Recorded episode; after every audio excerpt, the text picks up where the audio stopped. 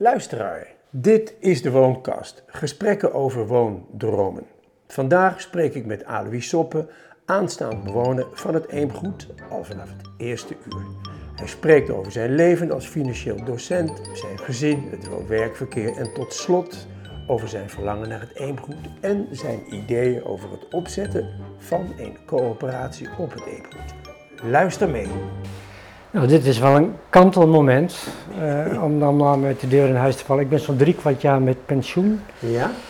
Um, dus we zitten nu in de afgelopen negen maanden. We hebben ons huis verkocht en hebben ervoor gekozen om een beetje rond te reizen. Want we wisten van tevoren al dat we een jaar de tijd zouden hebben. Maar we hebben ook een plekje in Italië. Dus, dus van vooraf hadden we gedacht van... Uh, daar kunnen we veel zijn. Maar we hebben ook drie kinderen en inmiddels acht kleinkinderen. Doe maar. Dus uh, ja, dus wij zijn, als we hier zijn, hebben we een behoorlijk sociaal programma, zeg maar, zijn we veel op weg. We zitten bij lieve mensen in huis, dus het is ook wel heel erg leuk om niet in één keer de overgang te hebben van je vorige leven wat voor mij dus het werkleven was in Rotterdam. Kun je daar ietsjes meer over zeggen? Hoe, hoe zag zo'n zo'n zo'n dag of zo'n week er in Rotterdam uit? Welke mm. hogeschool kwamen we jou tegen of universiteit? Um, ja, even een stukje terug. Ik, um, mijn eerste baan bij de universiteit is alweer 30 jaar geleden. Dus eigenlijk mijn mhm. werkzame leven is um, vanaf eind 80 jaren universiteit, Erasmus Universiteit Rotterdam geweest. Daar heb ik met name finance gedoseerd uh, de eerste jaren. En toen woonden we in Eindhoven. Dus je praat over 40 jaar terug, hè? Ja, ik heb, ik heb het nu eventjes over dat werkzame leven, want daar vroeg je naar. Dus, dus uh, toen woonden we in Eindhoven, hadden we drie jonge kinderen. Margot werkte en ik reisde met de trein. Enkele reis, twee uur uh, per dag, enkele reis. Dus en in de tussentijd las jij je readers en je boeken? En ondertussen moest er dus uh, gewerkt worden. Dus um, dat is al lang geleden. De, uiteindelijk, en daarom vertel ik het denk ik ook, is dat zo'n 20 jaar geleden is daar een switch gekomen in mijn directe finance leven. Rond 2000 heb je het over? Nou, uh, 1991 zelfs, 92. Okay. Toen is er echt een verandering gekomen in mijn finance leven. En toen kwam dus toch het moment dat ik dacht van ja, maar we zijn mee bezig. Uh, reizen, werken, uh, in een proefschrifttraject, dus druk. Um, dus toen zijn we eigenlijk een beetje de knop omgedraaid. Dus toen is er een verandering gekomen. En toen heb ik het strakke finance, heb ik ook omgezet, of is omgezet in finance en ethics. Dus toen kwam de waarom, waarom vraag in het leven. Mm Waarom wil je zo nodig zo snel promoveren? Een proefschrift over mathematica, de valutarisico's, uh, uh, wat me totaal niet boeide, maar het hoort, want je ging aan een universiteit werken. Ja. Dus dat hebben we. curriculum. Ja, ja dus dat hebben we losgelaten, dat heb ik los moeten laten. En eigenlijk is dat ook het mooiste moment geweest, want daar ben ik bij mijn hart en mijn ziel gekomen. Dus de waarom vragen en dat dan toegepast op, op het finance vak. En, en, en de, de, dagelijkse gang in je werkleven, dat was, uh, er ging een wekker, je, je ging per trein. We, kijken ook naar wat, wat betekende dan die woning. Is, is je woning dan bijvoorbeeld, even extreem, die was een parkeerplaats? Die was echt een leefstudieomgeving? Nee, die was toen was die woning heel ver van de werkplaats. Hè? Dus, dus ik ging ook niet vijf dagen, want dat is ondoenlijk.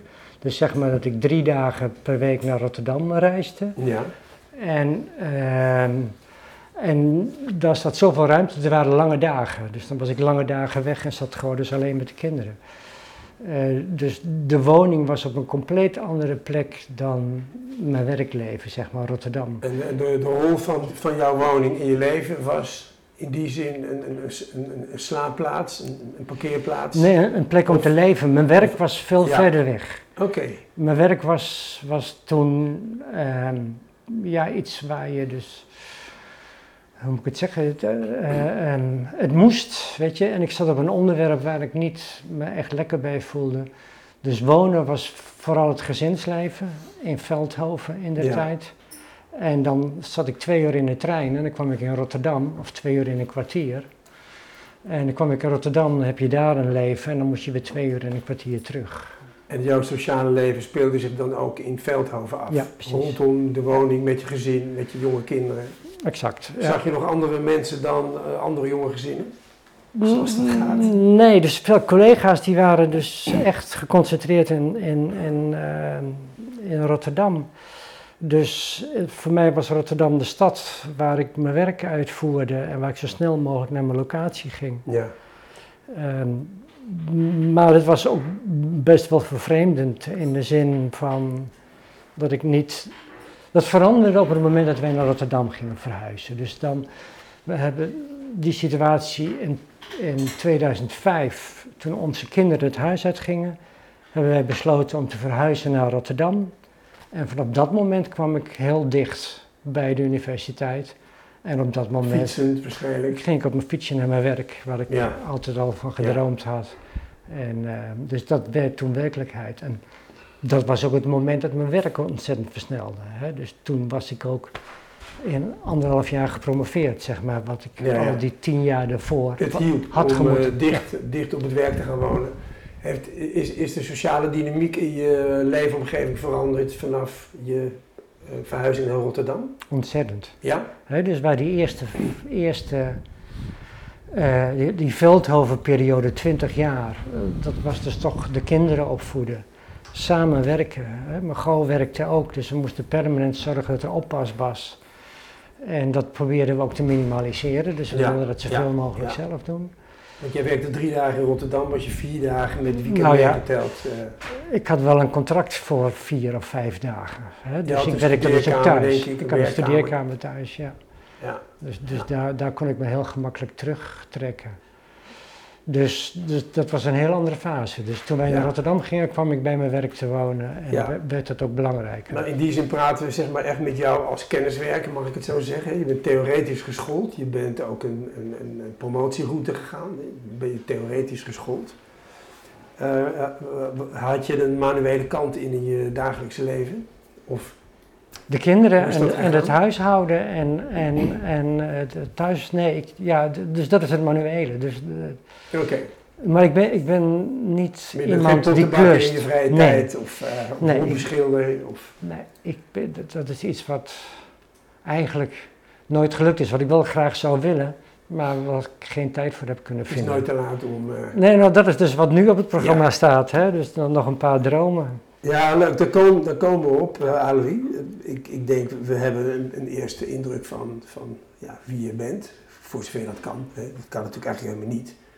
Maar eh, gerelateerd aan wonen. Hoe heb je, hoe heb je Eemgoed eh, gevonden? Maar daaraan voorafgaand eigenlijk... ik heb namelijk wel eens horen zeggen... wij waren bezig te zoeken naar een meer... Ja, wat voor leefomgeving verlangde je naar... voordat je het Eemgoed vond? Nou, toch dat, dat gemeenschappelijke. Hè? Dus, dus de, de, de, die fases waren dus heel duidelijk. De eerste fase was dus kinderen opvoeden. Dan komt er een fase, de kinderen zijn het huis uit en we woonden in Rotterdam bij het werk op fietsafstand. Waren we volkomen vrij weer met z'n tweeën. Hè? Dus Ja. dat is een geweldige fase in je leven. Waar je in de stad leefde, waarin je fit en dynamisch bent. En, maar toen wisten we ook van, dat gaat ook weer eindigen. Hè? Dus er komt nog een derde fase Je aan. kwam even opnieuw samen in je vrijgezelle jaren terecht. Want ik Nou ja, eigenlijk, ja, dat gevoel had je dus. hè. ik Je weet niet wat het is om uit de kinderen te zijn. Ik ben net goed en wel in de kinderen. Ja, nou ja, nou, Ja. dat is het de grote voorrecht van drie jonge kinderen dicht op elkaar. Dus dat is die eerste jaren ontzettend druk. Want jullie waren twintigers toen je gezin stichtte? Nee hoor. Ik was, eh, toen Jur geboren werd, de oudste, was ik 29 en Goos 27. Dus we waren eind twintigers. En, eh, maar we hebben die kinderen dus snel gekregen, in Ja. drie jaar zeg maar. Wow. Dus wij waren er ook op tijd weer uit. We stonden natuurlijk op het standpunt van als ze 18 zijn, dan eh, moeten ze maar hun eigen leven Ja, dat is ook min of meer gelukt. in, inrichten. Dus, en dat is volledig gelukt. Dus wij hebben 15 ongelofelijke feestjaren Maar goed, halverwege ga je ook weer vooruitkijken. Er komt dus Mhm. nog weer een fase daarna. Wil je oud worden in de stad? Dus in, vanuit Rotterdam zijn jullie eh, rond gaan kijken. Ik, ik weet Ja. van je dat je Ecodorp eh Brabant, Brabant. hè? Ja. Daar hebben jullie eh, ja, een, blik op geworpen. Ja, zeker. Je bent daar meer, meer dan belangstellend Ja. mee bezig geweest. Hè? Ja, we hebben ons daar toch behoorlijk verbonden met het idee. Ehm, het is nu inmiddels dus helemaal gerealiseerd, hè, maar dat was dus zijn een zoek... woningen te koop, las ik. Zou kunnen. Ik, heb, ik volg het niet helemaal Ja. meer, omdat wij, Maakt niet uit. omdat wij vroegtijdig toch dat proces hebben stopgezet. Daar Ja. ging te veel, moest je zelf doen. Het was te weinig professionele ondersteuning. Was En het CPO, collectief particulier opdrachtgeverschap? N- niet eens nog, hè. Dat niet eens. Dat, zover waren we in dat moment nog niet. Dus de gedachte was dat ik met name de financiering zou kunnen regelen. Ja, ja. En, en dat betekent eigenlijk gewoon uit je netwerk mensen halen die een paar miljoen hebben liggen. Ja. En die vond ik niet zo De route naar de bank was een eh, no-go. Dat was, die is heel moeilijk, hè, want eh, de, de Triodos die stelt nogal wat voorwaarden. Ja, die brandt zijn vingers er niet aan. Hè? Die- dat die- hebben wij die- ook gemerkt. Ja, Ja. Laten we toch maar gewoon zeggen zoals het is. ja, die, die stellen eh, strakkere voorwaarden dan welke gewone bank ook. Braafste jongetje in de klas. Ja. Terwijl de, de ethics heel hoog staan in de Triodos vlag. Nou, maar dat, dat is ook zo hoor. Ik, bedoel, dus ik, ik, ik, ik heb heel veel respect voor dat de jongens tegen de stroom in het gelukt is om in die wereld zo'n footage te krijgen. Daar ben ik, Ja. daar, daar mogen ze echt heel trots op zijn. Ja, maar als ze zijn er niet eh, voor de kleine, groene, eh, riskante ondernemers. Hè? Want dat, dat, dat heb Nou ik. ja, daar scharen wij het eemgoed al lang niet meer onder. Eh, het is ook niet meer klein. Met 82 woningen, daar gaat in die hele projectontwikkeling 32 miljoen euro om. Dus dat is niet meer klein te noemen. Maar dat is een, dat is een ander chapiter, Triodos Bank. Ik hoop ze nog een keer aan tafel te krijgen. Dat zou ik best interessant vinden. Weet jij nog, eh Alibi, wat je eerste en je tweede eemgoedgevoel was? Ja, de professionaliteit, dus de overgang hè, en de eenheid. Dus waar wij in het vorige project ehm, er geen enkel structuur zagen van hoe het gerealiseerd zou worden. We zouden alles zelf gaan doen. Tekeningen hoe we strobalen huizen gingen maken. Dat stond allemaal al klaar. Het, het internetstuk was goed ontwikkeld. Maar er was geen infrastructuur om het ook op de grond te krijgen. Dus, In de zin van een organisatie met adviseurs, een precies. ontwikkelende architect, een, een Het, hoofdthema was er is geen geld. Hè. Het geld is gratis, dus het komt vanzelf naar ons toe. En, en waar, Dat was de gedachte. dat was de gedachte, ja. Ja. Dus vind eventjes die mensen die toch heel veel geld hebben, die tante Agaat, die het leuk vindt om eh, toch eh, een miljoen, Ja. want daar hadden we toen toch ook wel over, dat had je wel nodig. Ja. Ehm, dat willen ze graag geven en kijken zo goed we doen en veel publiciteit Ja. zoeken. Ja. En die is er ook geweest. Ja. Maar dat hing op te weinig personen en geen professionele Organisatie Dus eromheen. dat, dat eerste en tweede gevoel van eemgoed, dat, dat, dat, wat op jou afkwam was, eh, er is een, eh, een voldoende organisatiegraad. Ja. Zelfs van hoog niveau. Dat, Ja. dat is inderdaad niet per ongeluk tot stand gekomen, kan ik je zeggen. Wij, eh, wij hebben als initiatiefnemers heel vroeg in het proces al besloten, wij, wij komen nieuw in het veld van wonen, Solange en ik. En iedereen met wie we gaan samenwerken, dat moet gewoon een, een, een gevestigde, bewezen, wat grotere partij zijn. Dus toen hebben we zelf Ja. besloten, we gaan niet met één pitters in zee, hoeveel we ook van ze houden. Maar daar straalt te weinig eh, eh, vertrouwen vanaf, denken wij, als je zo'n groot project gaat starten. Nou ja, dat, en dat is wat voor ons heel mooi was om te zien, is toch de stijl waarin je dus al die bijeenkomsten organiseerde. hè. Heb je Dus- het over de meet-ups, hè? De meet- de luisteraar meet-ups, die er hè? ja, De, de eerste meet-up was er eentje van, eh, van, van professionaliteit, van schoonheid, oog voor, oog voor eh, de esthetiek, zeg maar. Ja, leuk dat je het noemt. Ja, er is heel veel aandacht naar gegaan. Ja, 160 man hadden we toen. Ja. Met een, met een, eh, een driemans strijkje. ja, ja, dus, dus, dus, dus dan, dat was het moment dat ons hart al veroverd is, zeg maar. En En dat dus ook in die begeleiding met gerenommeerde architecten en met gerenommeerde bureaus. Ja. Dat was voor ons een luxe dat we niet zelf hoeven te gaan staan metselen en ja. leem gaan smeren op de wanden. Dus Ja. dat was het grote verschil. Dan ga je toch wel, eh, je gaat wel lemen, maar je gaat het niet zelf doen, hè? Zei je net eh, in de rondgang. Nee, nu de wanden. Ja. Dat gaan we niet Dat zelf laat je doen. doen. Dat laten we nu, Ja. dat laten we nu weer Ja. doen. Ja, dus leem blijft. Ja. Dit, jij praat over eh, mei 2017, wij vergeten het nooit meer, die dag. We weten ook dat, dat eh, er was slecht weer voorspeld op die dag. En dat kwam exact een kwartier na afloop van de meet-up. Toen, toen stortte echt de regen op die grote tent die we gehuurd hadden. We hadden een professionele organisatie gehuurd om die tent neer te zetten, om die, om die catering te doen. Ze liepen ook in een soort van eh, eigen merkkleding. Dat was, daar hebben we hele goede herinneringen aan. Maar goed, dat is eh, meer dan vier jaar geleden. Ja. En in die tussentijd is er wel wat gebeurd.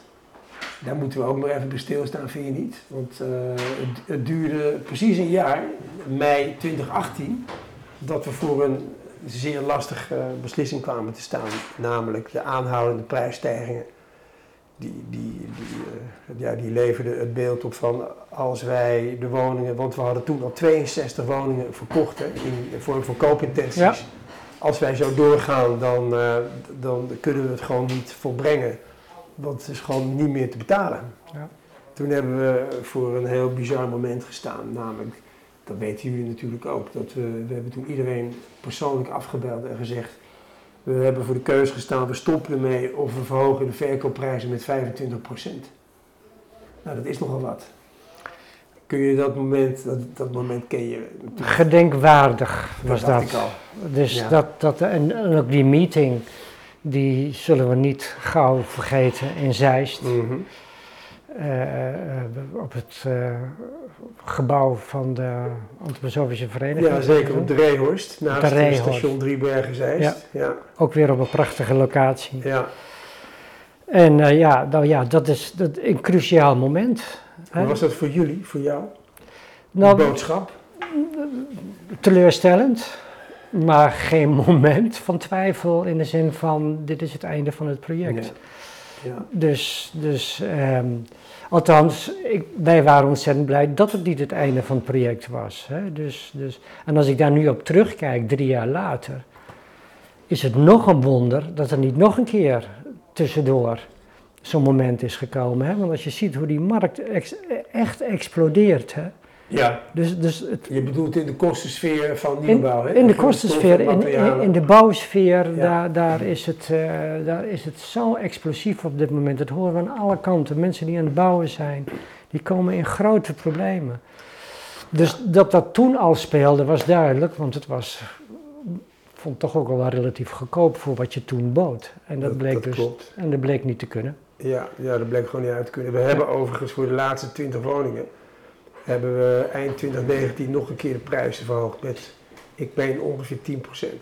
Oh, heb ik niet eens Maar meegekregen. toen, toen, toen was de bulk al verkocht, hè, Ja. van die, eh, de, de laatste 20 woningen, dus er waren er al goed 60 verkocht. En toen hebben we de prijzen weer verhoogd. Ja. Omdat het gewoon niet, niet uitkwam. Ja. En eh, ja, het, het tempo van prijsstijgingen, je noemt het zelf al, dat is in de branche, wij zijn in die zin ook nieuw, is ongekend. Ja. ja. Want hoe kijk jij daar als financieel econoom naar? Naar, naar die beweging van prijsstijgingen? De markt explodeert. Als je weet wat er met ons huis in Rotterdam gebeurd is. Hè, dus eenzelfde huis boven ons is in een jaar tijd met 135.000 euro duurder geworden. Op een basisprijs van Eh, op een basisprijs van 4 ton. knetto's. Hè, dus, dus ik ga nu bedragen noemen wat ik eigenlijk niet wil, maar ik vind Ja, het wel is meer dan 30% stijging. in een jaar tijd. Hè, Ja, ja. Op exact dezelfde locatie. Eh, een vriendin die, bouw, die bouwt, hè, en daar zie je ook de prijzen enorm stijgen. Dus, dus ja, ehm, dat het in deze tijd gaat lukken, daar ben ik echt gewoon heel blij mee. Dus als ik daar loop en ik zie dat het niet meer fout kan gaan, ja, en daar ga ik vanuit, daar dan, mag je vanuit gaan. En dan, dan denk ik van jongens, we zijn net op tijd. Ja. Ja, als je nu zou willen tijd. bouwen, als je nu aannemers zou willen betrekken, zou mijn advies zijn met de kennis van nu, doe het niet. Wacht een jaar. Ja. Mijn broertje heeft net een huis gekocht in, eh, in, in Voorden. En die wil dolgraag verbouwen en eh, hij kwam zelf al tot de slotsom. Ik ga pas over een jaar aanbesteden. Want nu is het zo'n gekke huis. De markt moet eigenlijk eerst weer tot rust eh, en die ritme komen. De markt is aan het exploderen en, en, eh, en eh, dat is buitengewoon zorgelijk. Maar goed, de, de, de omstand- iedereen doet er ook heel relaxed over. Ook op nationaal niveau. Schulden is, maken is heel normaal geworden. Hè? Dus de, Ja. over- de overheid heeft tien jaar geleden de banken gered. Nu is de overheid bezig om het bedrijfsleven te redden. En alle schulden komen terecht bij de Europese Centrale Bank waar al die waardeloze assets gewoon kunnen blijven staan, zolang we de bank maar vertrouwen, zolang we Ja. de economie maar vertrouwen, zolang we... Dus dat, dat vertrouwen, dat is cruciaal, maar ik, eh, ik eh, als... Verwacht jij nog een volgende crisis als opvolger van 2008? Ik kan me niet voorstellen dat, Dat, dat die niet komt. dat die niet komt. Nee. En wat zou er dan denkbaar zijn? Nou ja, dat wij dus teruggaan naar het eemgoed. Hè? Dus dat we teruggaan naar die hele grote internationale, globale economie. Dat we weer teruggaan naar autonome eenheden die voor zichzelf gaan zorgen. Hè? Dus dat, Zoals is, één goed. dat is een van de geruststellingen dat we Ja. hier nu zitten. Dus, Met 50.000 vierkante meter stadslandbouwgrond, met weiden Daarom. en akkertjes. En, de boontjes staan altijd achter de deur. ja. Ja. Dus, dus dat is ook een van de, van de grote redenen waarom ik zo enthousiast ben over dit concept. Dat is een goed bruggetje, Alois, naar eh, het, het eemgoed. Ehm, laat, ik, laat ik het nog even zo vragen. Ehm, kijk, over een maand of vier wordt het opgeleverd en, en, en, en mensen leven met verwachtingen, met ideeën. Hè? Je, ja, je- je, hoopt eh, op, op, op, op zaken, je kunt ook vrezen voor, eh, voor zaken. Een, een van de dingen waar mensen ook wel eens vragen over hebben gesteld aan ons is, die VVE gaat dat niet een hoop gedoe geven? Waarop ik altijd heb gezegd, nou, niet meer dan in een gewone straat. En dat, dat, dat meen ik ook van, van harte, maar ik denk dat zo'n VVE heel veel kracht heeft, potentieel. Maar als jij, als jij aan, aan het leven op het eemgoed denkt dat over een maand of vier, vijf begint voor jullie, wat, wat zie je dan verschijnen? Aan, aan, eh, ik heb het genoemd in mijn vragen aan licht en aan duister. Dus er zullen natuurlijk fantastische dingen ontstaan in een nieuwe vorm van gemeenschapsvorming. En ja, waar mensen dingen proberen, daar worden ook vergissingen gemaakt en zullen ook wel eens wat zaken tegenvallen. Maar laten we nou even beginnen bij het mooie beeld. Wat, wat, wat zie jij verschijnen als je aan het eemgoed denkt? Is een prachtige woning. Dat is het eerste, het eerste, Daar wat ik, begint het mee. eerste wat ik zie verschijnen is, zijn de woningen, Ja, de ja, ruimte. Eh, in ons geval de loft, wat een hele andere en nieuwe manier van wonen is. Eh, dus dat is het eerste wat ik eh, zie verschijnen. En, en de mensen om ons heen weer live. Hè? Dus, de, dus je krijgt dan zicht Ja. op wie waar woont. Na anderhalf jaar coronamaatregelen Ja, ben en, je tot een soort solitaire ja, monnikenschap veroordeeld geweest. Ja, eh, schermbewoners eh, hè, kennen we. En we kennen niet meer de, Ja. de, de energie die er, die er omheen zit, zeg maar. Dus, dus daar zie ik ontzettend naar uit. Dat is je woning. Wat, wat, wat, wat zie je nog meer verschijnen waar je, waar je geïnspireerd door raakt? Nou, het tweede is natuurlijk het uh, Eemgoedhuis. Hè? En het, het, het landschap, het, waar ik het meest nog naar uitkijk, is het landschap. Ja, En ik denk dat dat meteen, ik hoop dat dat meteen met de woningen is, hè? dus dat zal. Die landschapskamers. ja, ja, maar vooral ook die taluds en... Ja, en de- ja, die gaan mee in de oplevering voor zover ik nu de planning ken. ja. Dat is wel, eh, het is niet zo dat jij daar woont en dat die taluds nog worden aangelegd. Hoor. Nee, oké, nee precies. Dus, dus, Ja. dus dat, dat landschap en die woning, dat, dat, daar zie ik heel erg naar uit. Dus dat is de eerste kennismaking met de mensen die direct om je heen wonen. Ja, en dan maak je het pad naar het eh, Eemhuis, waar we samenkomen en waar we elkaar ontmoeten. En, eh, en waar heel veel organisatie eh, nodig is om dat te laten verlopen. Want we zijn wel met 80 huishoudens Ja, en één eenhuis. ja. Met, goed met, met, met stallen, met schuren, met eh, gemeenschappelijke Ja. ontmoetingsruimte. En doe het zelf horeca, een winkeltje, Hou op, ja. eh, een koffiecorner, eh, een open haard voor in de winter, sorry, een, een, een hoog rendement houtkachel. Ja, dus, ja. Een flexwerkplek. Nou, het goede nieuws is, is dat daar al volop over nagedacht wordt. Hè? Dus daar, daar in de werkgroepen worden daar allerlei Ja. voorbereidingen getroffen. En dat is in ieder geval fijn dat, dat, dat die ideeënvorming eh, klaar is. Ik Hm. weet van jou, Alois, dat je eh, ook gedachten formuleert rondom samenwerken in een coöperatieve vorm. Kun je daar al iets over delen? Ja, wat, wat, wat ik dus het de belangrijkste idee daarin is dat de, de, de stichting, de VVE, de vereniging, dat dat een, te arme structuur is om vooral op die gemeenschappelijke dingen te organiseren. Vereniging van Eigenaars, hè? Als De Vereniging van Eigenaars. Als huiseigenaar moet je lid zijn, of je het nou leuk vindt of niet. Ja, En je moet met elkaar de euro's opzij zetten voor de gemeenschappelijke onderhoud en beheer Ja. van, van, van, van de woningen. ja dus dat, en dat is ook de meest geëigende vorm. Dus dat we daar beginnen is moet, dat Ja. kan niet anders. Ja.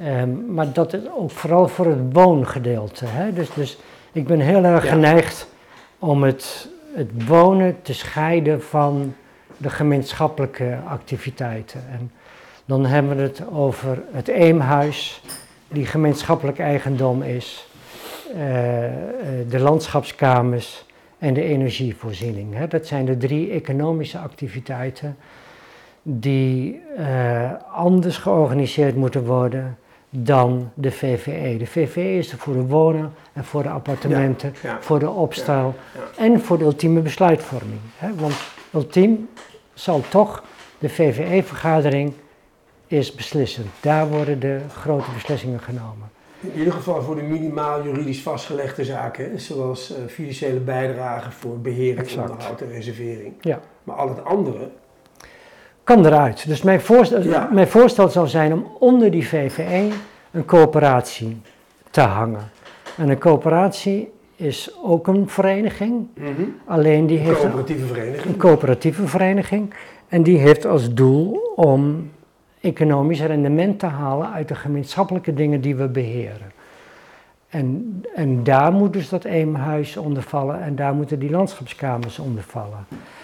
En eh, daar moet ook een apart bestuur komen die dat organiseert. Hè? Dus, dus hoe gaan we die verdeling van mensen die werken om het allemaal tot stand te brengen, eh, om dat los te koppelen ook van het eigendom. Hè? Dus het eigendom is dus het appartement en het gemeenschappelijke, maar dat zou je naar mijn idee moeten afstaan aan de coöperatie, waar mensen opnieuw weer lid van worden, vrijwillig lid worden. Mhm. Want er zijn mensen die willen niet werken op het land, die, of die kunnen niet werken een tijd, Ja. die willen niet in het eemgoed. Dus je kan er ook alleen wonen. Ehm, dus die mogelijkheid is er.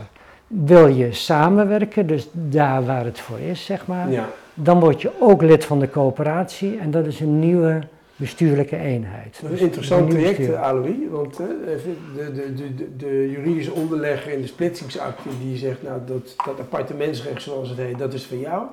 Dat staat vrij op naam, dat, daar kun je in en uit wanneer je wilt. Je kunt ook verkopen aan wie je wilt. En dan heb je met elkaar dat zogenaamde onverdeeld eigendom. Dat zijn die tien landschapskamers, Ja, dat is het Eemhuis en eh, dat, dat is de infra die je er hebt liggen. En, en hoe, hoe, hoe ga je dat proces eh, introduceren onder de aankomende eemgoedbewoners? Nou, ik heb nu contact met het bestuur, hè, dus ik heb de laatste bijeenkomst heb ik het gelanceerd en ik noem het zo links en rechts. Ja, Eh, dus ik weet dat de mensen geïnteresseerd zijn om toch in een coöperatie eh, te denken. Dus ik ga over twee weken eh, met Jeroen spreken daarover hoe we dat vorm zouden even kunnen geven. bestuurders voor de luisteraars die Ja. het niet kennen. Ja, Ja. Jeroen is dus een van de bestuursleden en die heeft me pas geleden gevraagd of we daarover kunnen gaan eh, eh, brainstormen en denken. Die, die coöperatie Alois, wat, wat is het laat ik het even het eindbeeld noemen, van die coöperatie. Stel, die staat er straks zoals jij dat al voor je derde oog hebt gevisualiseerd. Hè? En daar zit, er zijn merendeel van de huishoudens die zijn daar uh, lid van en er is heel veel reuring. Wat is het, wat is het droombeeld wat die coöperatie straks gaat uh, laten zien? Een, een swingend eemgoedhuis, hè, waar dus mensen uit de omgeving langskomen op de fiets en daar een uh, lekkere kop koffie of een glas wijn uh, komen drinken.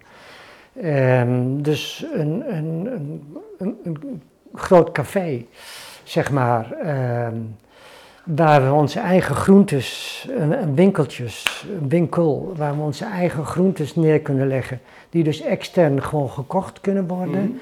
Mm. Dus, dus een, een zwingend de ja, ruimte, dingen. een mooie ruimte. En bijvoorbeeld de activiteiten in de landschapskamers. Er zullen hele extensieve te beheren landschapskamers ontstaan, maar waarschijnlijk ook hele intensief te beheren landschapskamers. Ja, dus, dus ik ben ook geneigd om die coöperatie te willen opdelen in drie delen. Dus het Eemgoedhuis, het Eemgoed, het Eemhuis, Eemhuis ja. ja.